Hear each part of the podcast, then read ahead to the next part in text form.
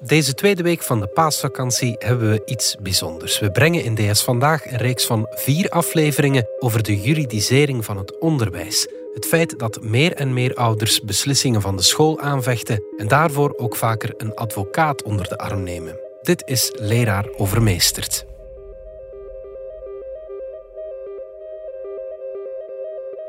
Als een marathonloper jarenlang traint voor de Olympische Spelen, maar de finish niet haalt, dan is dat een pijnlijke zaak. En als de eerste heftige emoties zijn verteerd, komen de moeilijke vragen. Heeft een marathonloper te weinig getraind, te weinig talent? Of heeft de coach zijn job niet gedaan? Wie draagt de verantwoordelijkheid voor de mislukking? Dus onmiddellijk is de advocaat eh, meegekomen naar school. Een advocaat die ja, dan puur naar het juridische kijkt en weinig voeling heeft met een school. En nu zit het in de Raad van State en wordt het eigenlijk echt een juridisch steekspel met uh, een heleboel uh, zaken die ons uh, verweten worden als zijnde niet in orde. Kiezen voor een job in het onderwijs is kiezen met een missie. Maar wat als die missie doorkruist wordt door bezwaren en beroepsprocedures? Wat is de impact op de jobvreugde en het zelfbeeld van een leraar? Al maar meer leerlingen leggen zich niet langer neer bij hun examenresultaat en vechten het oordeel van hun leraren aan. Ouders komen betwisten met een rapport dat bloedrode cijfers heeft. Of dat rapport nu tien tekorten telt of vijf, als ze willen betwisten, kunnen zij. Maar hoe voelt het om als leraar lijnrecht tegenover je leerling te staan? Dan is dat nu eigenlijk een afgesloten hoofdstuk voor die familie, voor die jongen. Als je die tegenkomt, kan je niet meer zeggen: uh, wat ben ik blij dat ik jou zie. Ik ben Eva Droogmans en dit is de tweede aflevering van de podcast Leraar Overmeesterd.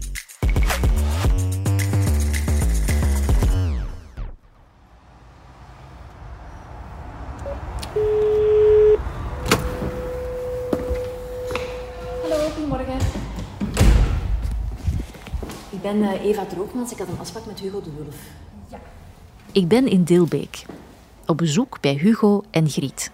Ik ben uh, Hugo de Wulf, algemeen directeur van het Regina Schely Lyceum in Dilbeek.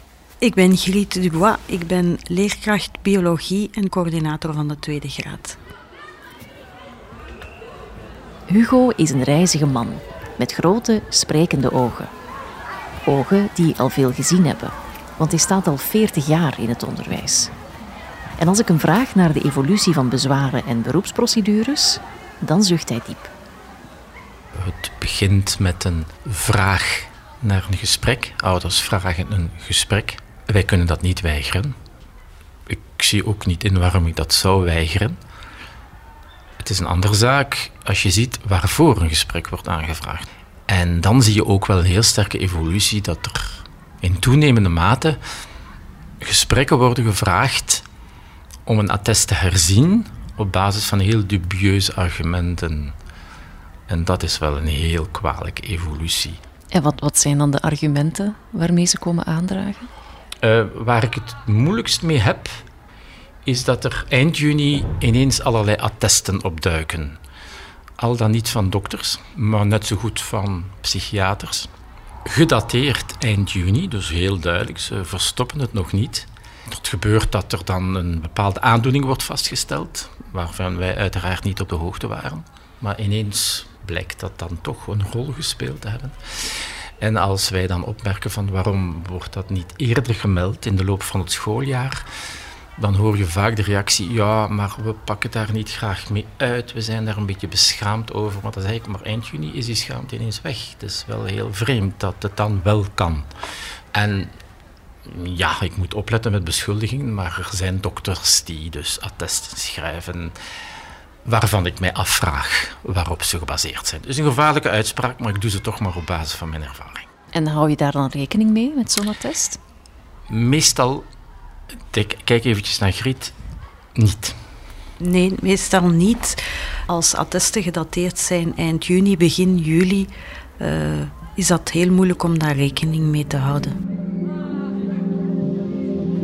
De resultaten van de leerlingen worden op verschillende momenten doorgegeven op het schooljaar uh, met dagelijks werkrapporten en met de resultaten van de examens. En vaak waarschuwen wij dan ook al van let op, slagen wordt niet evident of uh, let hiervoor op, uh, laat je daarvoor helpen. Maar dan op het einde van het jaar komt dat voor sommige ouders precies toch nog altijd als een donderslag bij heldere hemel. Uh, dan hebben wij hen niet verwittigd en dan hebben wij niet gedaan wat we moeten doen.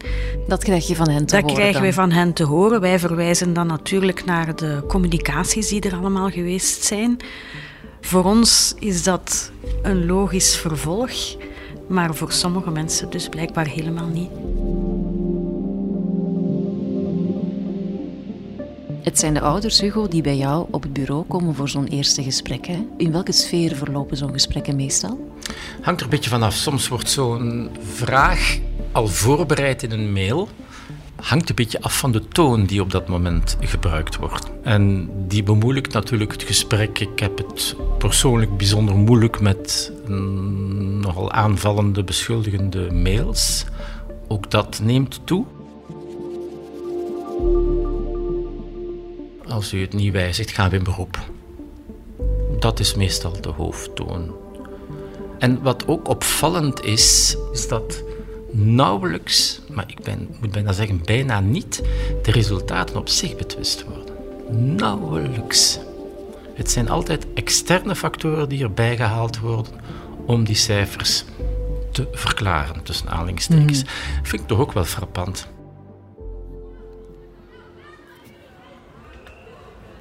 Zo'n beroepsprocedure is eigenlijk stap 2. Stap 1 is een officieel bezwaar in de hoop dat de directeur de klassenraad opnieuw samenroept. Gebeurt dat niet, dan kan een leerling zijn zaak door een interne beroepscommissie laten beoordelen. Maar hoe dan ook moeten er bewijzen op tafel komen. Je gaat eigenlijk als leerkracht heel erg op je tellen passen.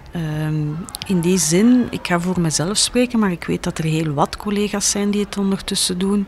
Ik vermeld bij elke toets, bij elke vraag, welke leerplandoelstelling er eigenlijk getoetst wordt. Ik vermeld bij elke vraag waar ze de oplossing kunnen vinden in hun uh, handboek of in hun leerwerkboek.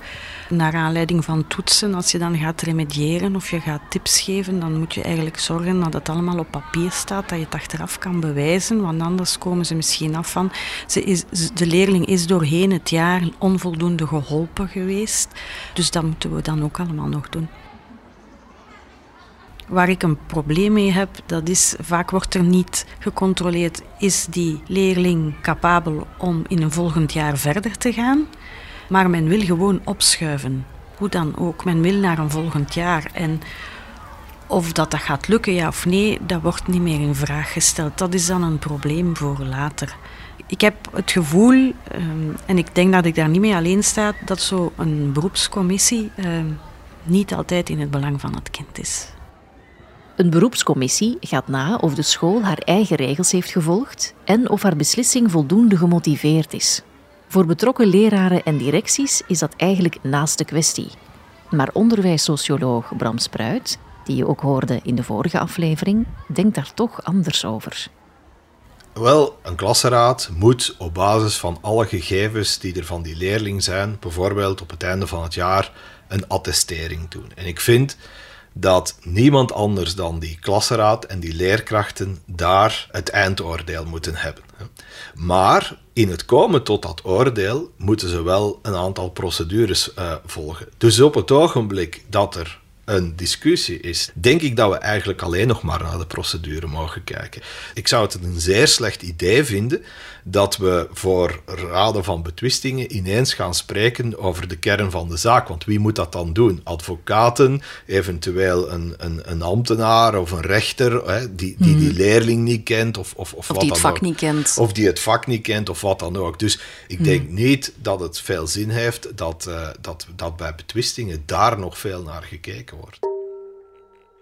Ik hoor dat sommige leraren uit voorzichtigheid en ook uit angst voor een procedure het niveau van hun lessen verlagen, zodat zelfs de zwakste leerling door kan stromen en er op het einde van het jaar geen probleem is voor die vakken. Je bezendt dat natuurlijk niet uit. Maar er zijn in elke school leerkrachten die ervoor zorgen dat ze nooit problemen zullen krijgen. Door ervoor te zorgen dat die cijfers nooit rood worden. En ik zal meer zeggen, ik heb al gehoord van directeurs die cijfers aanpassen of eisen van hun leerkrachten om cijfers aan te passen om niet in een procedure verzeild te geraken. Ja, gebeurt. Altijd een slecht idee, denk ik. Ik snap natuurlijk waar die druk vandaan komt. Hè. Een directie zit echt op de scheidingslijn tussen, laten we zeggen, de buitenwereld en de wereld van de school. Ze zitten soms tussen twee vuren. Als die directie uh, zijn eigen angsten begint te projecteren op zijn eigen uh, lerarenkorps, hè, hoe goed bedoeld het ook is, ja, dan verlies je altijd natuurlijk. Ik denk dat de enige juiste positie van een directielid is op het ogenblik dat er een klacht binnenkomt, moet ik natuurlijk daar iets mee doen. En wat ik ermee ga doen, is nauwkeurig nagaan van oké, waar gaat dit over? Zijn daar overduidelijke redenen dat wij daar een fout hebben gemaakt? Als dat niet het geval is, dan denk ik dat je tegen ouders moet zeggen van kijk, we hebben het beste voor met uw kind. Wij zijn in eer en geweten en via de procedure die u kent tot een beslissing gekomen. Als u echt vindt dat hier verder moet mee gaan, wij zullen meewerken, maar dit is ons standpunt.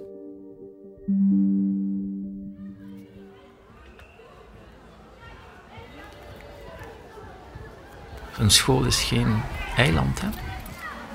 Wij zijn ook allemaal mondige burgers als privépersoon. Als iets ons niet bevalt, gaan wij ook wel vaak in gesprek.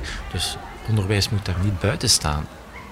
Ik vind het vooral vermoeiend, omdat ik uit mijn ervaring nu weet dat al die betwistingen zelden tot het resultaat leiden dat de ouders willen. Maar wij steken daar ondertussen wel al die tijd in. En dat is hoogst vermoeiend, omdat je weet op voorhand, mensen toch, begin er niet aan, dit heeft geen zin.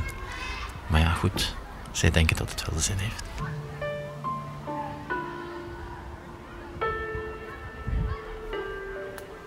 Leerlingen van nu willen graag inspraak in hun eigen schooltraject.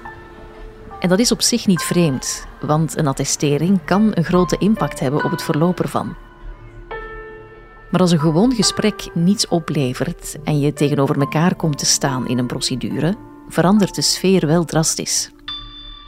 En de weg die je als leerling en leraar samen hebt afgelegd, raakt ondergesneeuwd. Soms zijn er uh, begeleidingen bij waar dat wij echt wel alles uit de kast hebben gehaald, waarvan ik met zekerheid weet dat zowel leerlingbegeleiding als de leerkrachten wekelijks zelfs in de school alles hebben gedaan waar ze konden. Ehm, en als zij dan eigenlijk tegen de beslissing gaan en daarmee zeggen: Ja, maar jullie hebben ons niet geholpen zoals dat het moet en jullie hebben geen rekening gehouden met onze situatie, dan kan dat best hard aankomen. Dit is Hasna Haji, de adjunct-directeur van het Koninklijk Atheneum van Antwerpen. Hasna is een zij-instromer. Vroeger werkte ze voor het Vertrouwenscentrum Kindermishandeling en ook voor een CGG. Dat is een Centrum voor Geestelijke Gezondheidszorg. Maar haar overstap naar het onderwijs maakte ze wel heel bewust. Ik denk dat ik in mijn toenmalige jobs een beetje gefrustreerd geraakte, omdat ik een aantal jongere kinderen, uh, gezinnen bij mij had, waarvan ik toch redelijk snel opmerkte dat er een aantal zaken vroeger misgelopen waren, toch ook vaak in de schoolse context. Kleuters, uh, lagere schoolkinderen, jonge mensen, die uh, brengen toch heel wat uren door op school. Daar komt ook nog bij dat er uh, hier in het Antwerpse veel culturen vertegenwoordigd zijn. Ik ben zelf ook van Marokkaanse afkomst. Dus ik had wel het gevoel dat ik iets ja, kon betekenen voor die gezinnen, voor de maatschappij. Als adjunct-directeur volgt Hasna alle bezwaren en procedures op. En ook zij ziet een evolutie. Ik denk dat wij jaarlijks op een populatie van een 560 leerlingen ongeveer, dat wij een 30, 40-tal bezwaarschriften hebben, die nog eens extra behandeld moeten worden. En dan zijn er, ja, vorig jaar hebben wij twee beroepscommissies gehad. Uh, het jaar daarvoor uitzonderlijk geen. Dus dat hangt er een beetje vanaf, maar het blijft duren.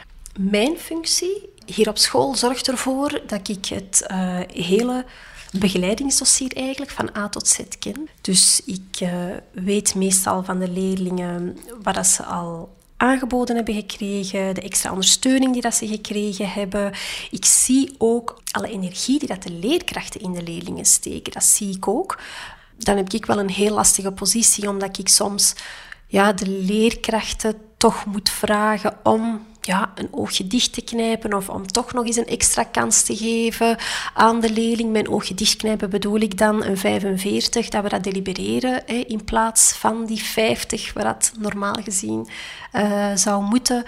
Uh, wat niet altijd fijn is voor de leerkracht. Dus ik heb ook echt al leerkrachten gehad die gewoon boos waren of die hun boosheid uiten tijdens de klassenraad.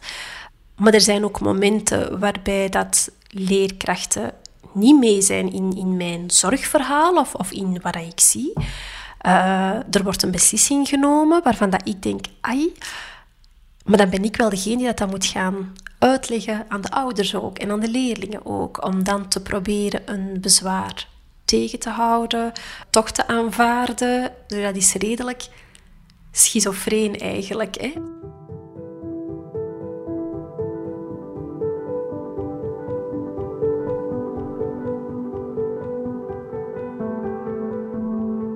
In het onderwijs staan, ik denk dat je, dat je niet anders kan dan vanuit een bepaald idealisme in te stappen. Dat, dat gaat over tientallen, over honderden leerlingen die in je klasse passeren, die dat je iets wilt bijbrengen, die dat je zo ver mogelijk wilt krijgen. En als je alles uit de kast hebt gehaald om die leerling zo ver te krijgen en het lukt niet, dat je dan als leerkracht alsnog de schuld krijgt eigenlijk. Hè, van het komt door u dat is wel heel zwaar om dragen. Zo heb ik vorig jaar een, een meisje bij mij gehad dat meisje was 18 jaar en had het schooljaar daarvoor iets traumatisch meegemaakt. Dat heeft ervoor gezorgd dat ze haar schooljaar niet kon afmaken. Maar ik was eigenlijk helemaal mee in het verhaal en ik vond dat zij een extra kans verdiende en dat ze zoiets gruwelijks had meegemaakt. Dus wij hebben haar ingeschreven bij ons op school. Wij hebben al meteen een klasraad gehouden om te bekijken hoe dat wij haar zo goed mogelijk konden begeleiden. Wij hebben meteen ook een therapie opgestart voor haar bij Theo, Jongeren voor Jongeren, waar ze redelijk snel terecht kunnen. Ehm, we hebben drie leerlingbegeleiders bij ons op school en ik denk dat ze alle drie een keer geprobeerd hebben om een nieuwe therapie op te starten. Want telkens was er geen klik met de therapeut en het ging haar niet af en ze haakte af. En intussen liep het eigenlijk helemaal niet goed. Uh, ze had heel veel afwezigheden, waarbij dat de leerkrachten haar minstens wekelijks gebeld hebben. Waar blijf jij? We willen u graag in de klas. En, en lukt het wel? En, en, en. Tegen juni, ik denk dat ze een twaalftal examens had, waarvan dat ze voor acht gebuist was. Ze heeft een CA-test gekregen, daar is ze niet mee akkoord gegaan. En zij heeft dan uh, een bezwaar ingediend. Ze is dan bij mij op gesprek geweest. Het was een heel zwaar gesprek. Uh, en waarom? Omdat ze alles wat wij gedaan hebben voor haar, ontkende.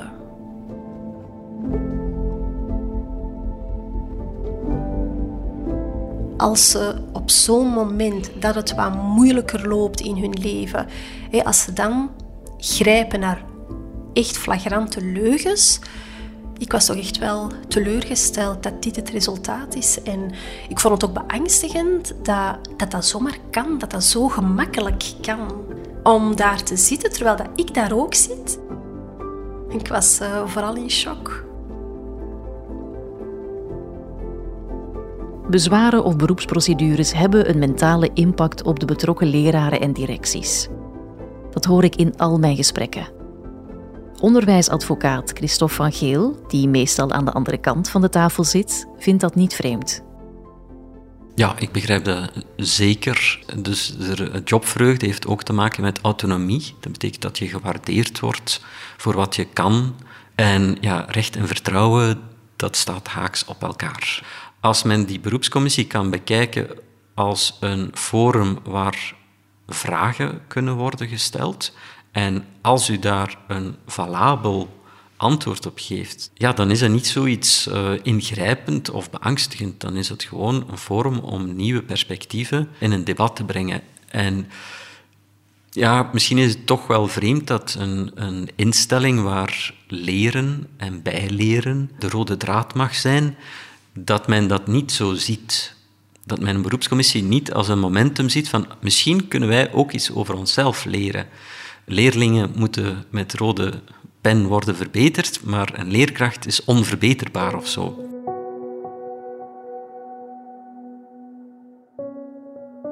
Dat sommige ouders een advocaat inschakelen voor de verdediging van hun zoon of dochter is voor veel leraren meer dan een brug te ver. Een betwisting van een examenresultaat is één zaak, maar jezelf en je aanpak moeten verantwoorden tegenover een advocaat, dat is een heel ander verhaal. Op het moment dat je die uh, post krijgt van kijk, de advocaat is door uw examen geweest. Ja, ik, ik was heel verontwaardigd. Ik ben daar al jaren mee bezig. Ik doe echt mijn best om dat zo optimaal mogelijk te doen. En dan kwam die in één keer zeggen wat ik fout deed. Het leek alsof dat er een wij-zij-verhaal ontstond, terwijl dat ik dat zo helemaal niet aanvoelde. Ik dacht heel de tijd, ja, maar ik wil gewoon het beste voor die leerling. In de derde aflevering van Leraar Overmeesterd onderzoek ik de rol van de advocaat in dit verhaal. Is hij een bemiddelaar of een boeman? Goh, wat moet ik daarop zeggen? Ik ga degenen die ervan overtuigd zijn toch niet overtuigen, maar krijg veel leerlingen tijdens het jaar over de vloer, maar ik krijg gedurende het jaar veel directies en leerkrachten over de vloer. Met burn-out, met functionering, met tucht. Dus als het hen goed uitkomt, is de advocaat de boeman, maar als ze hem nodig hebben, dan uh, willen ze toch de beste hebben of zo.